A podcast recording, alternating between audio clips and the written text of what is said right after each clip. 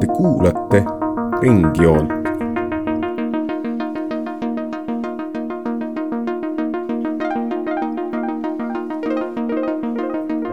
joon ringis.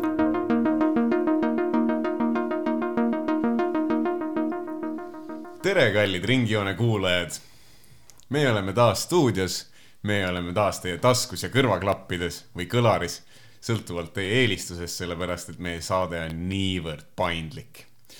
aga sellest, et me siin stuudios oleme, nüüd natukene pikemalt. oleme kogunenud täna siia, nimelt Kaili, kes on meie puldipidaja, Jaak Markus, kes tuli siia sõnu veerima ja Iljas, kes tuli siia lauseid kokku panema. ja mina, Fred Gregor, kes tuli seda kõike üle vaatama, et keegi ei astuks keelelistest barjääridest üle. aga miks ometi, te küsite ja seda mõtlen minagi. miks, vot just sellepärast, et me hakkame rääkima korruptsioonist nüüd korruptsioon on meie õigusriiklikus ruumis, nagu meil meeldib seda alatihti rõhutada, üks selline teema, millest ei tohiks tegelikult kunagi vait jääda. sest korruptsioon on nagu vari, ta käib alati riigiga kaasas. temast ei ole võimalik lahti saada. see on minu arvamus ja siin saates kõlab peatselt veel palju arvamusi. aga miks rääkida korruptsioonist just nüüd? just kaheksateistkümnendamal veebruaril, kui me seda saadet salvestame? see on ka hea küsimus ja ma olen väga õnnelik, et seda küsite. vastus sellele on see, et me tahame ühildada korruptsiooni ja Aleksei Navalnõi. mitte, et tõdeda, et Aleksei Navalnõi on üks korruptant, aga selleks, et viimastel kuudel on Euroopa ja sealhulgas ka Eesti meedia ning poliitilised institutsioonid täielikult kihama löönud Aleksei Navalnõi isikust ja tema tegudest. temast, korruptsioonist ja suurel hulgal Venemaast ning Ukrainast meie tänane saade kõnelebki. alustame aga filmist, mille härra Navalnõi hiljuti välja lasi. Iljas ole kena, valgusta meid. mis film see ometi on ja miks ta on nii pöördeline kogu korruptsiooni teemas? et äh, alustame sellest, et äh, Aleksei Navalnõi naasis Saksamaalt Moskvasse peale viiekuulist pikkust paranemist närvimürkide perekonda kuuluvat Novitšokiga mürgitamisest, mille järel teda ka koheselt arreteeriti Šeremetjevo lennujaamas seitsmeteistkümnendal jaanuaril. see on siis peaaegu kuu aega tagasi, me oleme natukene tõesti hiljaks ja. jäänud aga teema on endiselt üleval. ja miks? sest selle aktuaalsusega on niipea. väga õige. ja rääkides siis sellest filmis, et olles arreteeritud, väljus tema Youtube'i kanalil video pealkirjaga Putini palee, mis on äh, hetkeseisuga vaadatud üle saja üheteistkümne miljoni korra ja räägib lähemalt Putini valdustest Musta mere ääres asuvas kuurortlinnas Kelenžükis ning Venemaa kauaaegse liidri teekonnast presidendi ameti saamiseni hõlmates korruptsiooniskeeme, mis on aidanud Putinil enda varasid hoida kasvutrendis ning jõuda poliitikas tippu. Me veel jõuame Navalnõi äh, Youtube'i presence'ist küllap rääkida, aga mis minu jaoks on imekspandav, on see, kui palju teda vaadatud on. sa ütlesid sada üksteist miljonit korda, jah? kummaline, et peaaegu terve Venemaa. ma mõtlesin sama, et peaaegu terve Venemaa justkui oleks näinud seda ja nii palju, kui mina äh, oma seirest teada sain Navalnõi varasemate videote kohta, sest see on juba mõnda aega olnud tema leib, teha videoid sellest, kuidas ta mitte nüüd just traditsioonilise uuriva ajakirjanduse meetodeid kasutades paljastab siis korruptiivseid nähtusi ja ilminguid Vene eliidis. kõige rohkem on vaadatud minu meelest tema nii-öelda dokki äh, Medvedjevi kohta ja seda oli kolmkümmend kolm miljonit ehk see hüpe, mis on teinud äh, nüüd see viimane video, on meeletu ja seeläbi ka väga mõjukas ja põhjendab meie saate teema valikut. et noh, siinkohal me võime lisada, et ega, ega need sada kaksteist miljonit või kui palju neid nüüd oli vaatajaid, et no kindlasti need ei ole nüüd kõik venelased tõesti, et, et äh, see asi on ju lained löönud meil lääne meedias väga palju ja, ja mis enda jaoks oli huvitav, et kui tuli nüüd teade, et kuu aega tagasi, kui Novitšukiga sai mürgitatud, et siis äh, vabandust, see oli isegi veel kauem aega tagasi. Iljas täpsusta, palun. vist oli üle viie kuu. jah, just, juba peaaegu pool aastat, siis endale, endas, enda peas noh, tekkis küll küsimus, et, et kes see Navalnõi üldse on, et ise ei olnud üldse kuulnud temast ja, ja opositsiooni liider veel, et selline termin, et, et noh, viimane kord, kui opositsiooniliidrist kuulsid Venemaal, siis see oli siis, kui Moskvas vist äh, silla peal mõrvati. Nemtsov. jah, just, just, et, et noh, ja see oli juba tükk aega tagasi, aastaid. et noh, kummaline on, et nüüd siis uus, uus opositsioon, opositsiooniliider puhtast õhust justkui nagu tekkinud meie meedias ja, ja nüüd selline siis furoor temaga kaasnes. ja on tõepoolest. me räägime ka sellest, kuidas Navalnõi kehastab siis venemaalist opositsiooni.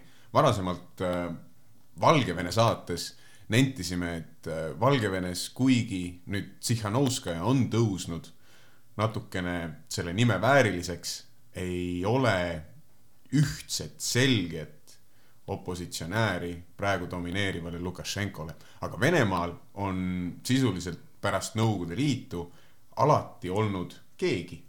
ja nagu Jaak Markus nentis, siis varasemalt Nemtsov, viimasel ajal on selleks aga tõusnud Navalnõi. Veel enne tema isiku juurde minekut äh, küsin ma teilt, et kuna me kõik oleme seda linateost näinud, siis kuidas meeldis? väga venepärane oli venepärane, mida sa venepärasuse all mõtled? noh, kogu, kogu see, millele tähelepanu pöörati ja kuidas, kuidas see aga millele seal pöörati tähelepanu? ja kohe jõuan, et, et kõige ilusam oli see, kuidas ta võrdles neid või noh, see oli noh, selline illustratiivosa, mis ta tegi, et, et kui nimetas kellegi uue nime seal, et siis kuidas pani sellisesse seitsmeteistkümnenda sajandi riietusstiili ta ja see oli, see oli kuidagi selline väga venepärane saade või, või koomiline lähenemine. koomiline, koomiline lähenemine, aga just selline nagu venepärane koomiline. aga, aga tegelikult noh, ega midagi uut sealt nüüd välja ei tulnud.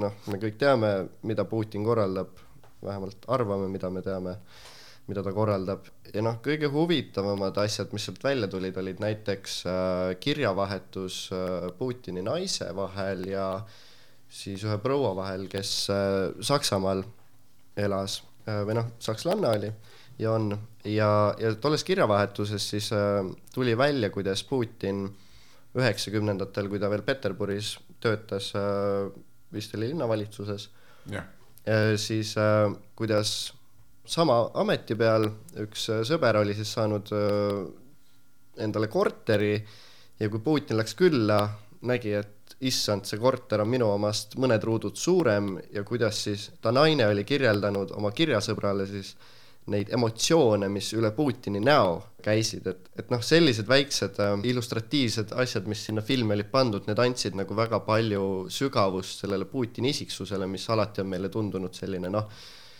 jah, ta ta on ausalt öeldes türann, aga, aga noh, eks nad on kõik samasugused, aga see andis nagu sellise veidi psühholoogilise nagu varjundi sellele asjale, et noh, sa nägid päriselt ka, milline see inimene oli. vaadata filmi edasi, siis seal selgus väga palju veel, et. no ma nüüd äh, täitsa nõus ei ole, et see tingimata ka on äh, Putini isiksus, mida seal on kajastatud. aga see, see, see on vähemalt üks versioon, kuidas tema isiksust näidata sellepärast, et ma nõustun täiega äh, selle tõigaga, et äh, tema isiksus, kes, kes on Vladimir Putin, mitte kes on Venemaa valitseja, on jäänud natukene selle poliitilise kuvandi varju, et noh, et äh, teada on see, et Venemaal on üks, üks suur ja tugev valitseja, kes on seda juba kakskümmend aastat olnud. aga, aga kes ta on, kes see kummaline mees on, kes pumpab endale aeg-ajalt botoxit näkku, sellepärast et näha noorem välja mis on selle mehe ihad, mida ta kardab. no okei okay,, kartusi me võib-olla natukene aimame, sellepärast et need on tihti seotud tema enese julgeolekuga ja see on paljude despootide puhul nii. aga ma tõesti nõustun sinuga, et äh, Navalnõi pretendeeris selle filmiga kuidagi avalikustama siis Putini isiklikku kuvandit, tema, tema isiksust. ja vastuseks sellele, et äh, miks seal võib-olla, või noh, kuigi see ei olnud küsimus, aga nagu sa tead, siis mulle meeldib vastata, siis ma vastan sellele, et äh, miks seal kasutati neid seitsmeteistkümnenda sajandi riietusi ja motiive ja seda kammermuusikat mulle näis see sellepärast, et äh, Navalnõi üritas neid näidata kui, kui sellist absolutistlikku valitsevat gängi. Äh, noh, kellel ei ole miski piiratud, kes saavad oma selles äh, mullis, kus nad tegutsevad, kus neid kaitseb FSB. Nad saavad käituda põhimõtteliselt täiesti vabalt ja valimatult. Ja ma leian, et see film justkui täitis, täitis selles vallas oma eesmärgi. aga Iljes mis, mis muljeid sul filmist jäid? et äh, sa esitasid küsimuse, et kellega on tegemist. tegemist on siiski tuhande üheksasaja seitsmekümne kuuenda aasta Leningradi meistriga judos ja samuti meistersportlase normi täitnud sambos ja judos. Putin on väga huvitav isiksus. kõige huvitavam minu jaoks seal filmis oli see, et äh, ühes veinimajakeses on äh, talle ostetud WC-hari, mis maksab seitsesada eurot ja WC-paberirulli hoidja, mis maksab omakorda tuhat eurot. et niisugused väiksed detailid on äh, märkimisväärsed minu arust, sest seda seitsmesaja eurotki ega iga inimene ei näe Venemaal oma palganumbrites. ja, ja, ja just siin puhul ka see fakt, et, et kus, kus see vetsupaberrull oli, oli ju noh, tegelikult ühes viinamarja kasvanduses, mis oli palee lähedal ja kas Putin üldse sinna vetsu jõuab, kus see varustus oli, vot et seda, seda võimalust me ei tea. et aga noh, kõik on tagatud, kõik on meie jumalikule valitsejale tagatud selles mõttes ikkagi. aga jah, et noh, kõik need riietusstiilid jah, ei ma mõistan jah, et see oli otsene vihje Romanovite dünastiale ja just sellele hiilgeajale. ja et justkui Putin siis jäljendab seda, seda suurt võimu mille, mille omandab endale Venemaa valitseja ja seda hiilgust ja noh, eks filmist tuli ka ju välja, et see palee, mille ta nüüd ehitas, et kuidas siis need avaväravad, et need kotkad, mis sinna otsa on pandud, et need on noh, põhimõtteliselt üks-ühele selline küll, tahaks öelda, odav idaversioon äh, sellest, mis talvepalees istuvad, nii et jah no kui Navalnõi seal filmis äh, lõi kokku neid arve, mis äh, Putin suutis kulutada kõigi olmelisemalt absurdsemate asjade peale, näiteks nagu peldikuharjad ja noh, okei okay,, mööbel seda ei ole, aga mööbel telliti Itaalia kõige, kõige ja, eksklusiivsematest firmadest. Et see, see film jättis mulje justkui justkui oleks palee ehitatud palee ehitamise pärast, mitte, mitte sellepärast, et äh, oleks Batja äh, Putinil kuskil pärast äh, presidenditooli vabastamist oma istmikku toetada.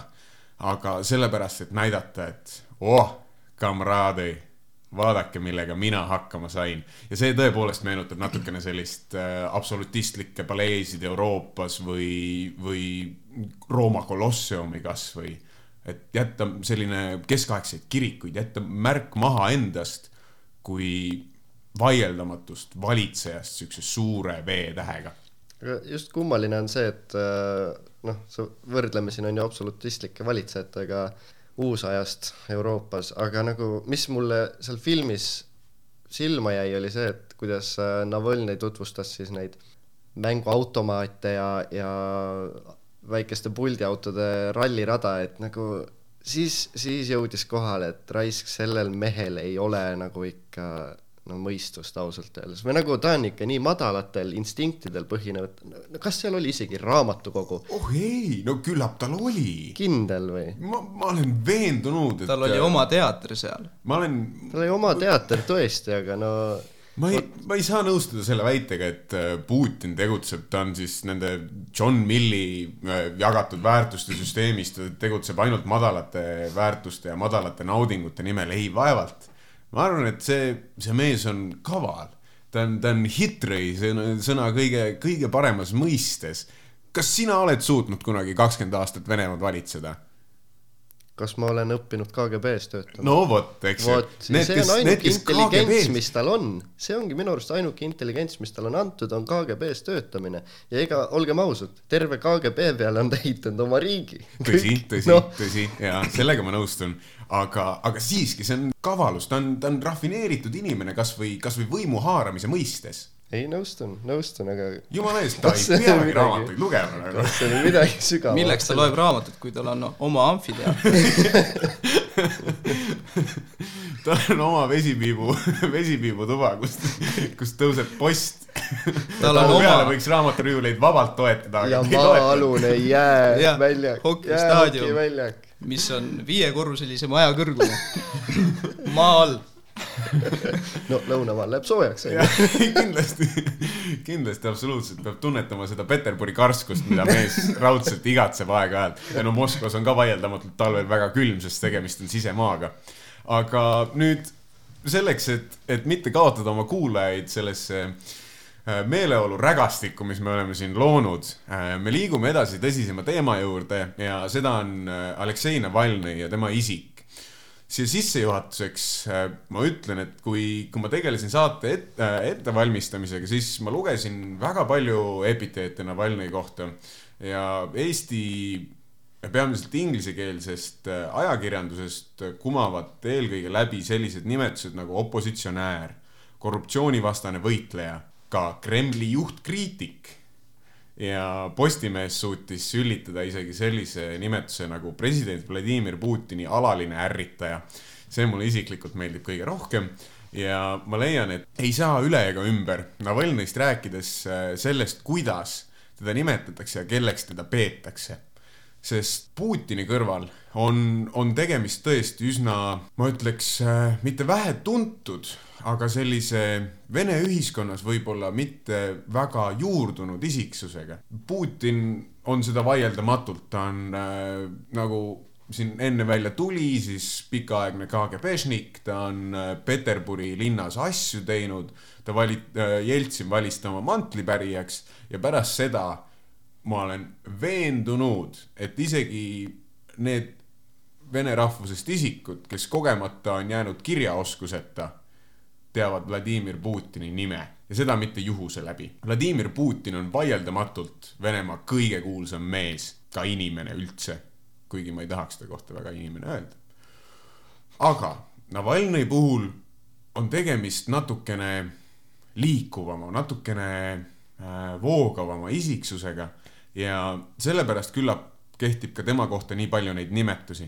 Aimar Ventsel nimetas äh, Navalnõid mitte otseselt, aga tema arvamusloost oli seda läbi näha, et tähendab, ta nimetas teda märtriks, aga ülejäänud arvamuslugu kirjeldas Navalnõid justkui opositsiooni uue tulemisena, nii nagu meiegi siin saates nentisime, et oli Nemtsov, aga nüüd on Navalnõi. on tulnud keegi messias ühendama Vene opositsiooni äh,, on äh, tulnud seda justkui uueks looma, ta on tulnud Vene poliitikat lunastama.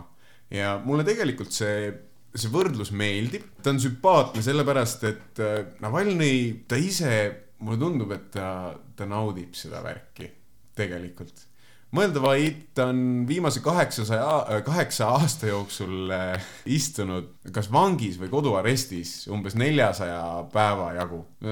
võib tunduda, et kaheksasaja või jälle, vabandust, kaheksa aasta peale on seda küllaltki vähe, umbes ühe, no natuke rohkem kui ühe aasta päevi, aga meist keegi ei ole vangis istunud küllap ka koduarestis mitte. see on siiski, ta on vaieldamatult väga, väga suur arv, mida veeta riikliku järelevalve all. miks ta on selline ühelt poolt nagu hästi käest libisev ja teiselt poolt selline en-, en-, endasse kogu opositsiooni kätkeda üritav isiksus, mis, mis ta teeb, kes ta on?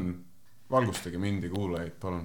no sa rääkisid, et Navalnõi naudib seda tähelepanu. jaa, rääkisin küll. rääkisid kaheksasajast päevast, kui ta on kodus istunud no. neljasajast päevast. neljasajast, et see on ju siis loogiline, et, et inimene naudib veidikene valgust ka meedias, kui ta on nii kaua kodus istunud, täiesti, täiesti arusaadav.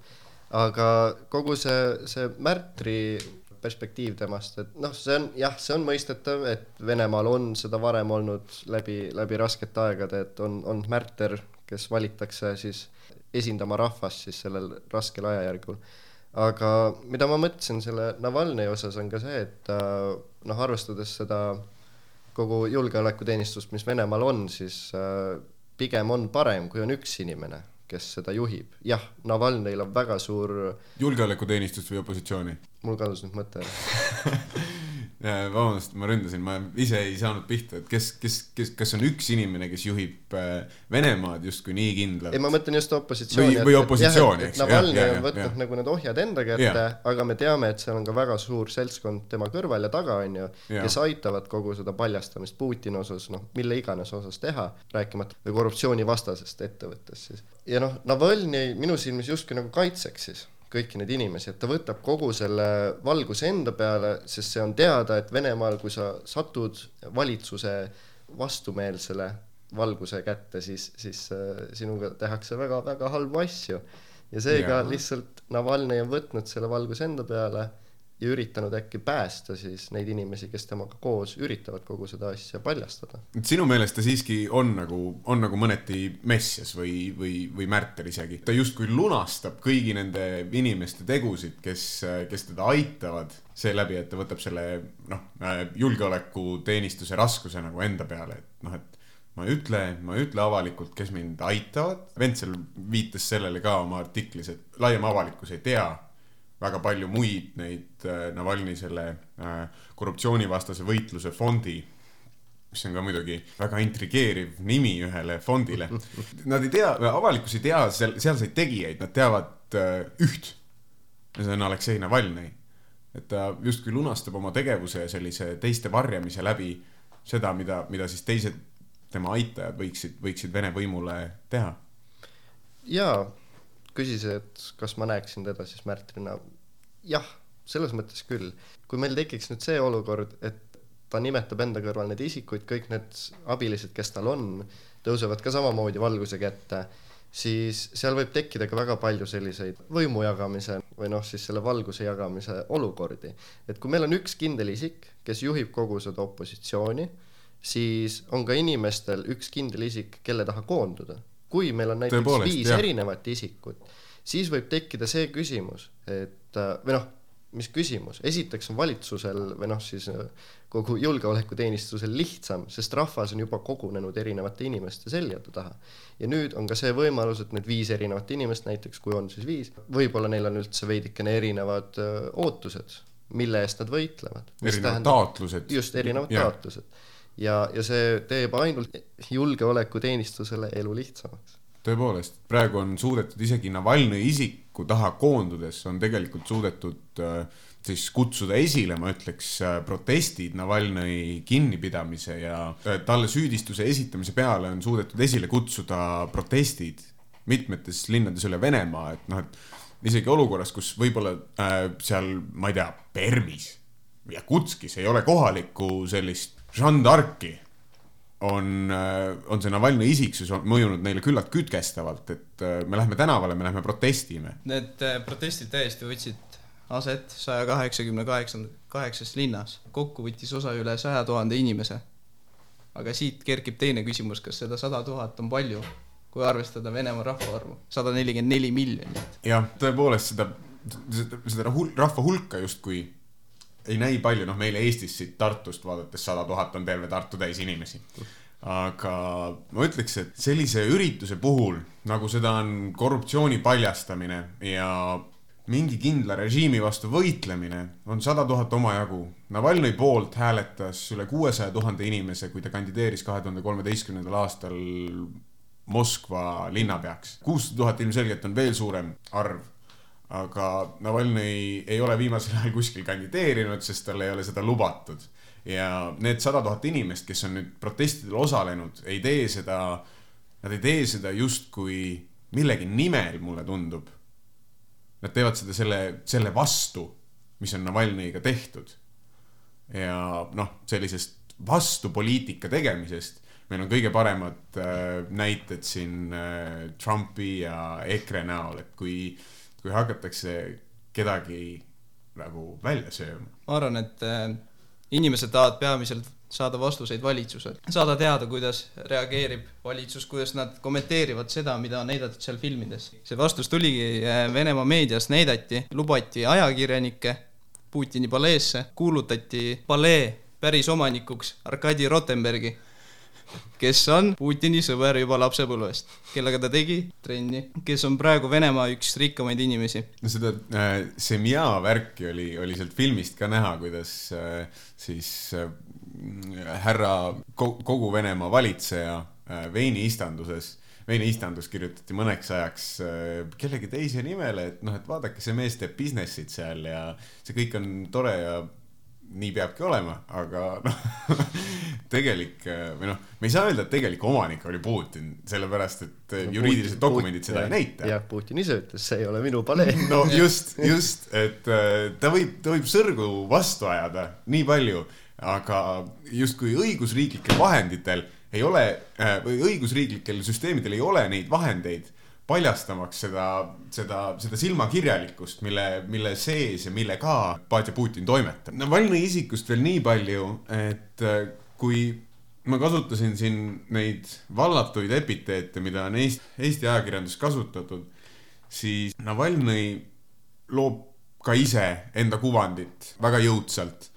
ja mis mulle jäi silma, oli see, et äh, kuna ta on, ta on pikemat aega siis tegelenud nende korruptiivsete käitumiste paljastamisega ja seda eelkõige filmi kui meediumi kaudu, siis kellele ta rõhub nende filmidega ja kuhu ta neid postib, ta ei, ta ei lase ju ometi kinolinale neid filme Venemaa oleks hukas, kui need filmid jõuaks kinolinale, aga ta paneb need Youtube'i.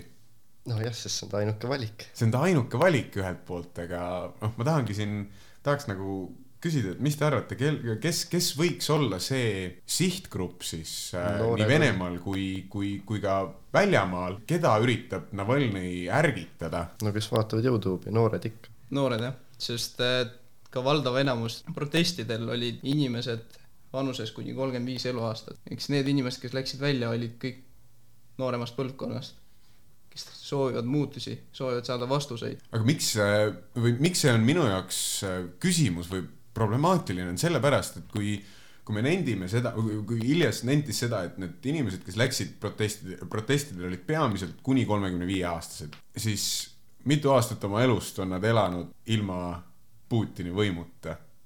või veel parem küsimus, mitu aastat on nad elanud ilma Nõukogude Liidu võimuta?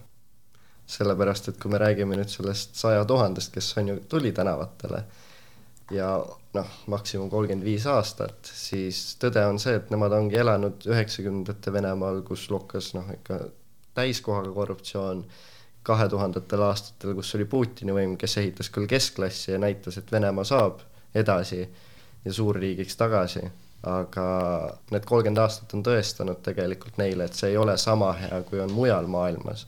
et see jutt, mida valitsus räägib, ei lähe kokku tõega, mis toimub mujal. miks siis, miks siis noh, näiteks aga oletame, et, et nüüd need saated lähevad telekasse, noh, et Putini kõik äh, uudisteagentuurid hakkavad näitama neid äh, Navalnõi filme, et kas siis need vanamemmed, vanataadid hakkavad seda nagu pooldama?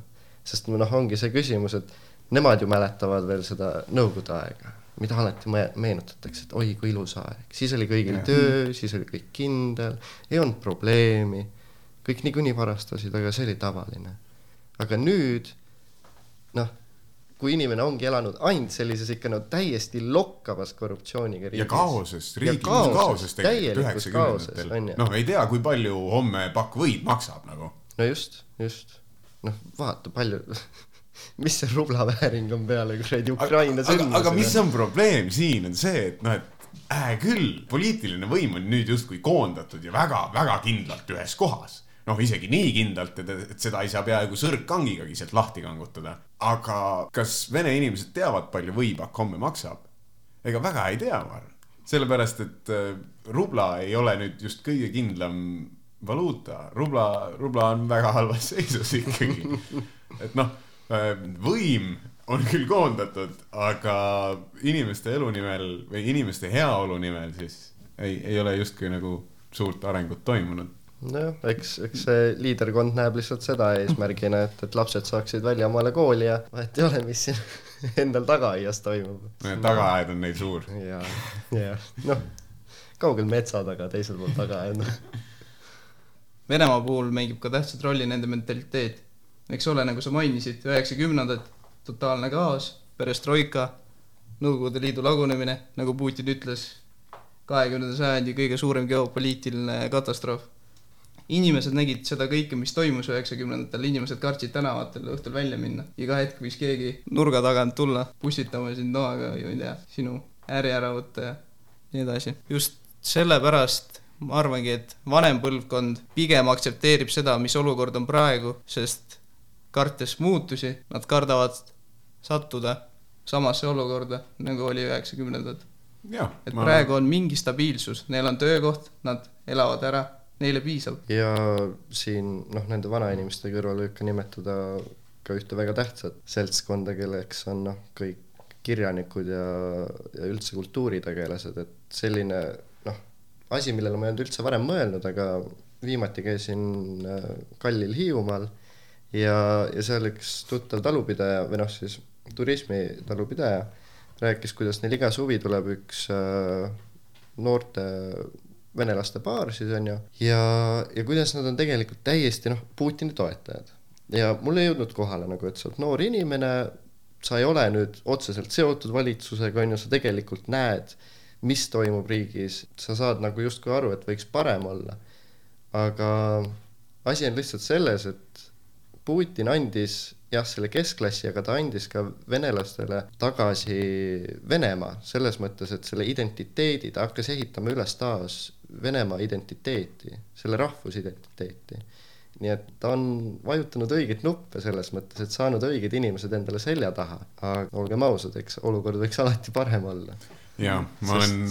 meie lääne, lääne tsivilisatsioonis näemegi, et demokraatia on justkui see ainuke lahendus ja aga no me peame ka meeles pidama lihtsalt, et Venemaa tegelikult on erineva ajaloolise taustaga maa ja nemad näevadki enda ees ühte tugevat isiksust, ühte tugevat juhti. no vot siin ma juba tõmban piiri, selle, selle kohaga ma, ma enam ei nõustu, aga see on ka teise saate teema, kus äh, me võib-olla peaksime kaasama David Vsevjovit või mõnda sellist äh, Venemaa ajaloo ja, ja identi-, rahvusidentiteedi eksperti. püsime praegu Navalnõi juures ja korruptsiooni juures. ma lihtsalt lisan lõpetuseks, jah, kahekümne esimene sajand on, Venemaa võiks juba olla jõudnud demokraatia juurde, aitäh teile. ja palun. ma tahtsin just tagasi tulla selle patriootlikkusele, et võrreldes üheksakümnendatega, Venemaa on praegu rahvusvahelisel areenil vähegi arvestatav riik, sest üheksakümnendatel seda ta polnud. riigis oli totaalne kaos, nagu juba varasemalt mitu korda öeldi. ja Putin suutis taastada armee, mida ta pidevalt mainib oma kõnedes, et sõjavägi on see uhkus, mis on Venemaal praegu. ja need suured pommid, mis vaatavad läände vajadusel. mitte vajadusel, aga tundub, et nad ainult siiapoole vaatavadki. sõjavägi ja selline väevõim on, on kindlasti asjad, millele võite, kallid kuulajad, tähelepanu pöörata siis oma õpingutes näiteks, kui te peaksite käsitlema kaheksateistkümnenda, üheksateistkümnenda sajandi Euroopa politoloogia klassikuid, aga sõjaväe juurest jäädes riigivõimu juurde, jõuame selleni, et Navalnõi see korruptsioonivastase võitluse fond registreeriti siis kahe tuhande üheksateistkümnenda aasta lõpus välisagendina ja välisagent on äh, küllalt magus nimetus Venemaal.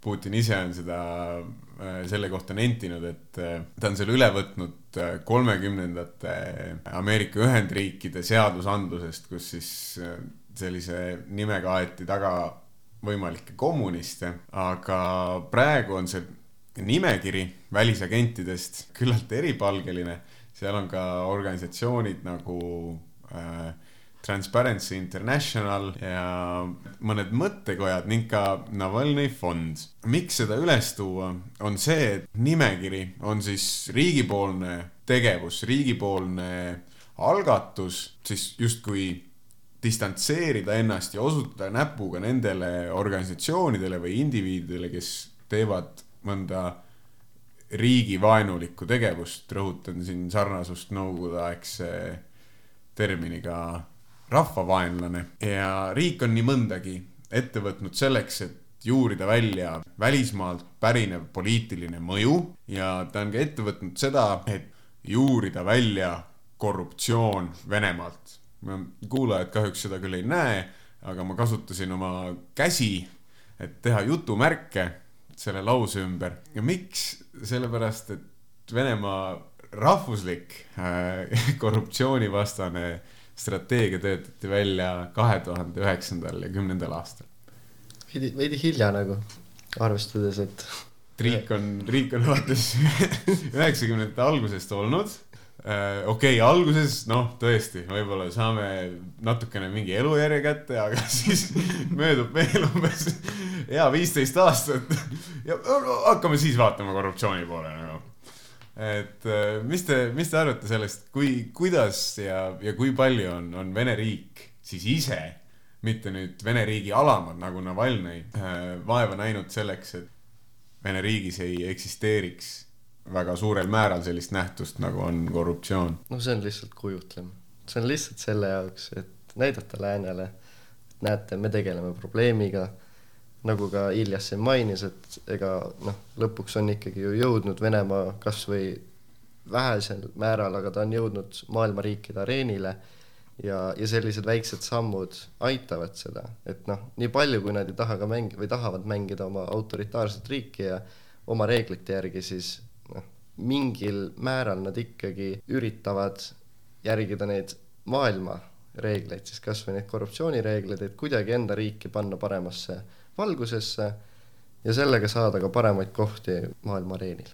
kui ma vaatan äh, tajutud korruptsiooniindeksit kahe tuhande kuueteistkümnendast aastast, mis, äh, see on küll natukene vananenud informatsioon, aga vähemalt usaldusväärne, tõdeb seda, et endistest äh, postsovjetlikest riikidest läheb päris hästi Eestil ja ülejäänud Balti riikidel ning ka Gruusial, aga siit tabeli alumisest otsast kohtadelt sada kolmkümmend üks ja nad jagavad seda nagu vennad muiste. leiame Venemaa ja Ukraina. olgu siis veel rõhutatud, et üldarvestuses oli tegemist saja seitsmekümne kuue riigiga, matemaatikat hetkel ei hakka tegema, aga noh, ütleme viimane kolmandik. kallid kuulajad, tehke kodus, pingutage oma ajukääre ja see on, see on imekspandav, kui väga näitab Äh, Vene riik välja seda, et nad võitlevad korruptsiooni ja igasuguse mõju vastu, mis võiks nende riigile pretendeerida. aga ometi, kui, kui madalal nad on igasugustes näitajatest ja noh, no arvestame ikkagi sada seitsekümmend riiki on ju see ei ole kõige viimane koht. isegi hästi, kus me teame, äkki see kaks tuhat üheksa asutatud asi on neil tõesti aidanud sealt. jaa, tõepoolest, selles suhtes, et Usbekistan ja Türkmenistan on veel madalamal kas seal leidub selliseid asju?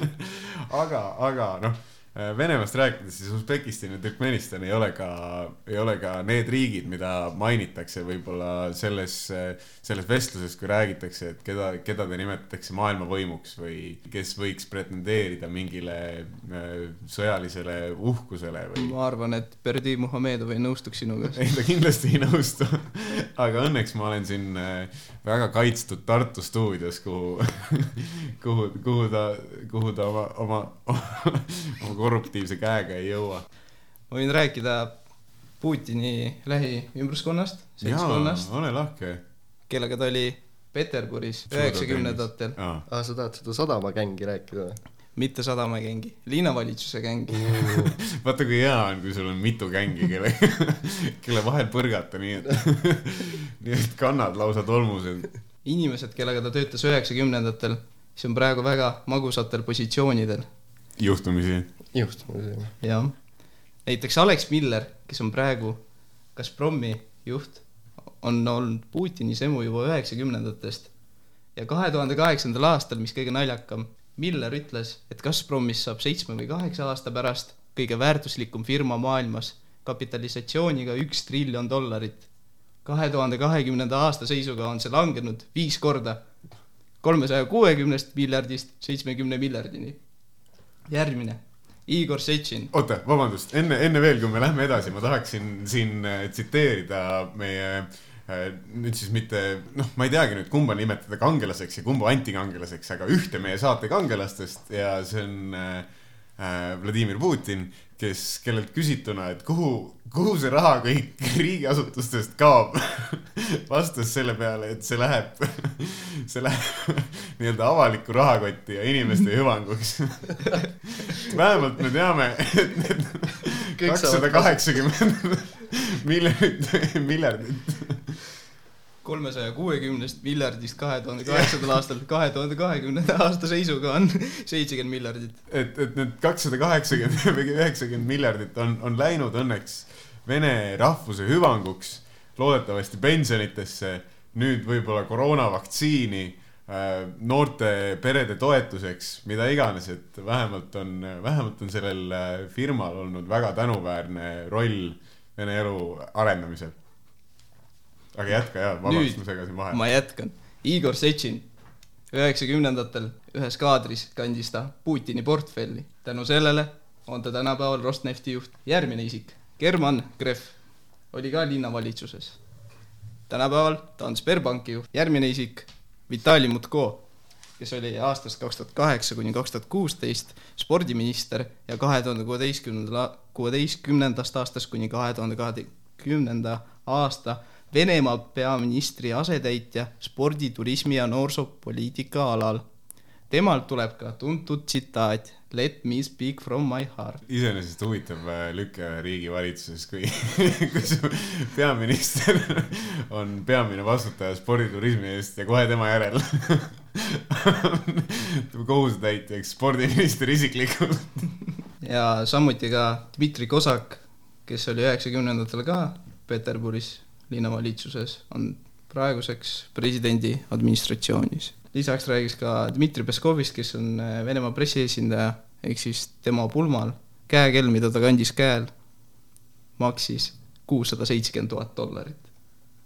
see on rohkem, kui ta on teeninud, teenides Vene riiki. Neid hoitakse. ma tahan siia vahele libistada äh, paar mõtet ühelt, mitte küll minu lemmikautorilt, aga siiski ühelt mõtlejalt, kes on äh, palju tööd teinud riikluse ja, ja selle, selle, eriti selle demokraatliku vormi rajamise suhtes.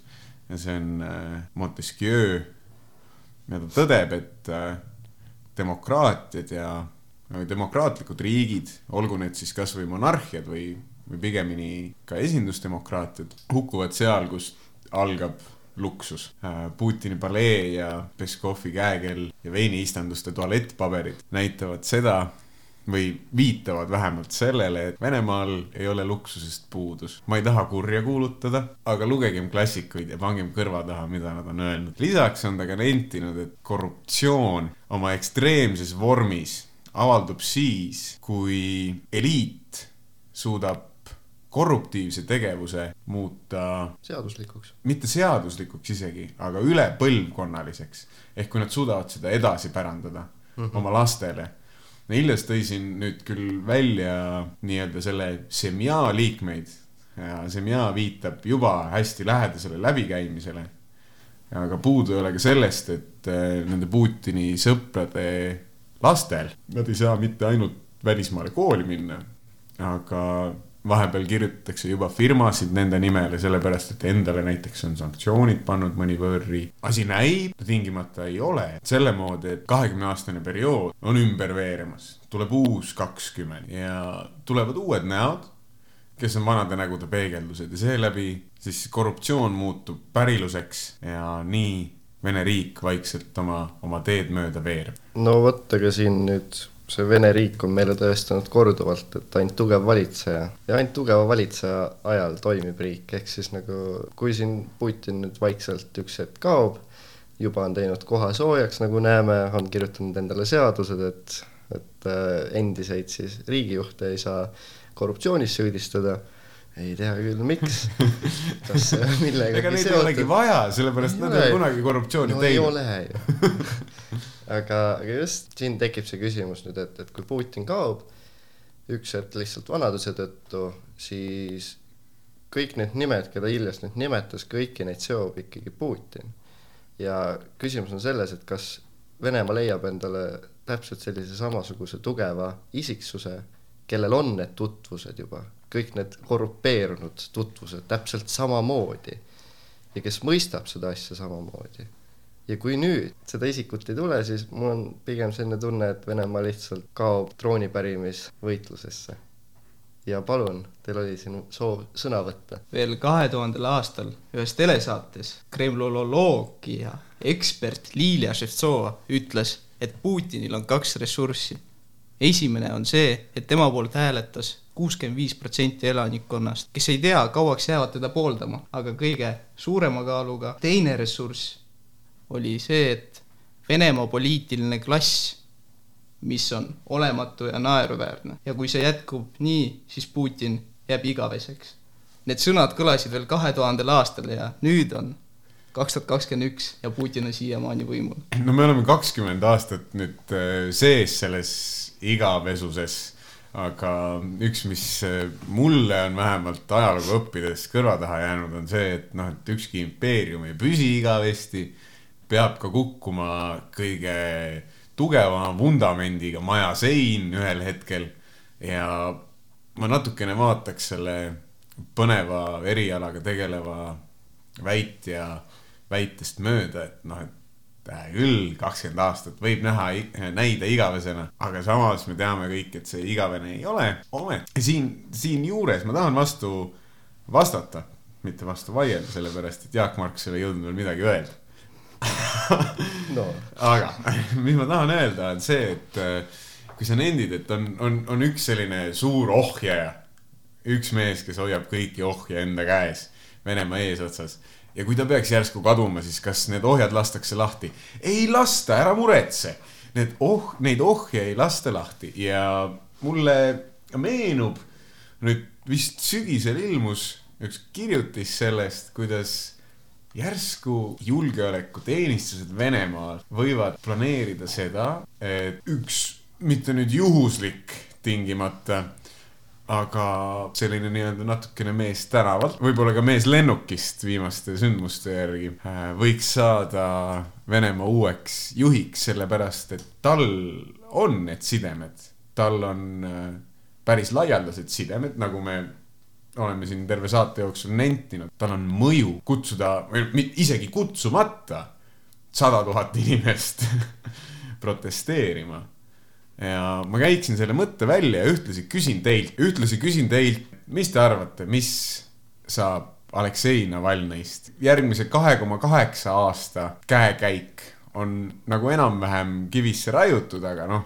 Venemaa on sihuke maa, kus ka kivid murenevad silmapilgutuse peale, sellepärast näen põhjust küsida meie ekspertidelt. lootsin, et mulle jääb teisena sõna, et ma saaks öelda, et sureb vägivaldsesse surma, aga lisaksin ka selle, et, et eks see oleneb Putini eluajast. siin on nii palju küsimusi, ega me ikka veel ei tea, mis Navalnõist saab, et noh, kui ta jääb vangi ja Putin sureb üks hetk, mitu aastat talle anti nüüd? kaks koma kaheksa. kaks koma kaheksa, no issand jumal. see on niisama tuleb... vanglas on asumisele.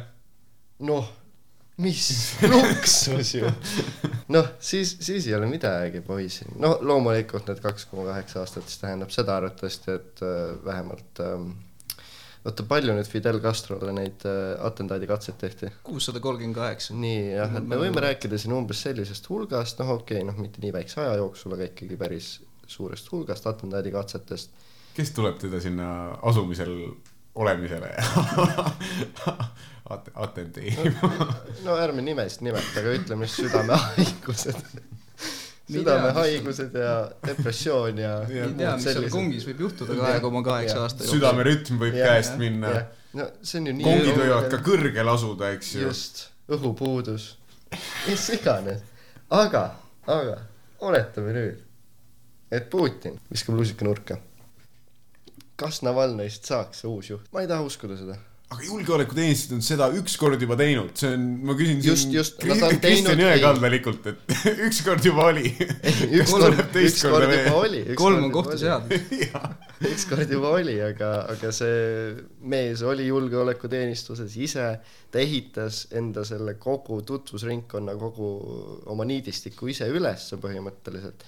ja kui me võtame nüüd silmnähtava kõigile teada opositsionääri ja nüüd loodame, et ta peaks hakkama koostööd tegema enne välja nimetatud nimedega, kes noh, olgem ausad, isegi kui Putin sureb, siis väga paljudele tähtsatele isikutele kuulub ikka veel enamus Venemaa elust, rahast ja, ja kõigest muust väärtuslikust, siis ma ei usu, et nad on väga hea meelega nõus tegema koostööd härra Navalnõiga ja pigem kui Putin ei leia endale asemikku isiklikult, siis, siis tuleb seal, mõned siin rääkisid vahepeal, et oo, äkki Ameerikas tuleb kodusõda, aga aga äkki mõtleme siis Venemaa kodusõja peale. julge pakkumine. aitäh Jaak teile. Markus. aga see on vähetõenäoline. nii. Venemaa on nii suur ja lai, et seal, kui Jah. üks, üks pool hakkab teise vastu võitlema, siis teine jõuab senikaua juba Siberi poole putku panna. või võhm saab otsa, seni kuni nad jõuavad. see on nagu maleva filmis. joostakse küll peale, aga siis nad tajuvad, et see vahemaa on ikka nii suur. ei, ei, tead, jätame selle sõja pigem pidamata. aga räägi, mis sa, mis sa arvad, mis äh, kodanik Navalnõist saab? eile Euroopa Inimõiguste Kohus otsustas, et Venemaa peab ta kohe vabastama. aga kas see juhtub? mina arvan, et ei. esiteks, istutab seal kaks koma kaheksa aastat vangis, inimesed hakkavad tasapisi juba unustama teda. siis ta peab välja tulema millegi uudsega. aga samas, kas ma ei panustaks nii väga selle peale, et inimesed unustavad unustavad, ma, ma panustan ka vaadake, selle vaadake, peale. vaadake, vaadake, siin toimub natukene selline diskursuse loomise värk, noh, kuhu, kuhu kogu see minu eelnev äh, Messia ja Märtri jutt nagu sihtis, oligi see, et äh, ja mida ka Ventsel oma artiklis mainis, et ei ole teab mis pahakäik äh, lasta ennast põhimõtteliselt kuulutada kogu Vene opositsiooni lunastajaks ja siis minna seda lunastama järgmiseks kahe koma kaheksaks aastaks. ma ei oleks nii kindel, et äh, inimesed unustavad ta ära sinna äh,. Navalnõi ise on öelnud, et põhjus, miks ta ei taha välismaale minna, kus, siis unustatakse teda. siis ta unustatakse ära, nagu unustati Hodorkovski mm. Mhm. -hmm. Navalnõi perekond kindlasti oleks tänulik selle üle, et nende isa on kodus, tema elu igapäevaselt ei ohustata. aga mehel on mingi poliitiline põngerjas on tas peidus, et ta tahab, ta tahab seda teha ja ma arvan, et ta teeb seda ettenägeliku plaaniga, et ma ei usu, ma ei ole nii kindel, et ta unustatakse sinna. selle koha peal ma ütlen, et ära alahinda Venemaa propagandamasinat, see suudab panna inimesi unustama paljusid asju. see teeb lihtsalt suurema, suurema probleemi mingist teisest asjast ja see jällegi USA, läänemaailm, nagu igapäevaselt räägitakse sellest Venemaa telekanalites. kuigi need propagandistid, näiteks Vladimir Solovjov, üks peamistest propagandistidest, tal on villa Itaalias, aga sellest ta ei taha rääkida. Ta ütles, et ta teeb palju tööd. sellest ei ole vaja rääkida, see ei puuduta vene inimesi. aga hüva, aitäh teile, mu kallid külalised ja meie kõige truum saate ja kogu selle dünaamika pealt äh, nägija ja haldaja ja pärast ka saate kokkulõikaja Kaili. aitäh teile, armsad kuulajad, kes te olete seda natukene ülemeelikut vestlust siit neljapäeva õhtusest Kene raadio stuudiost kuulanud, meil oli väga meeldiv seda teha. ja ma loodan, et me kohtume peatselt taas teie taskus ja teie kõrvades. aga seniks jätab Iljas teid veel ühe valgustava ja tingimata julgustava mõttega endiselt Vene peaministrilt. tahtsime parimat, välja kukkus nagu alati aitäh ja nägemist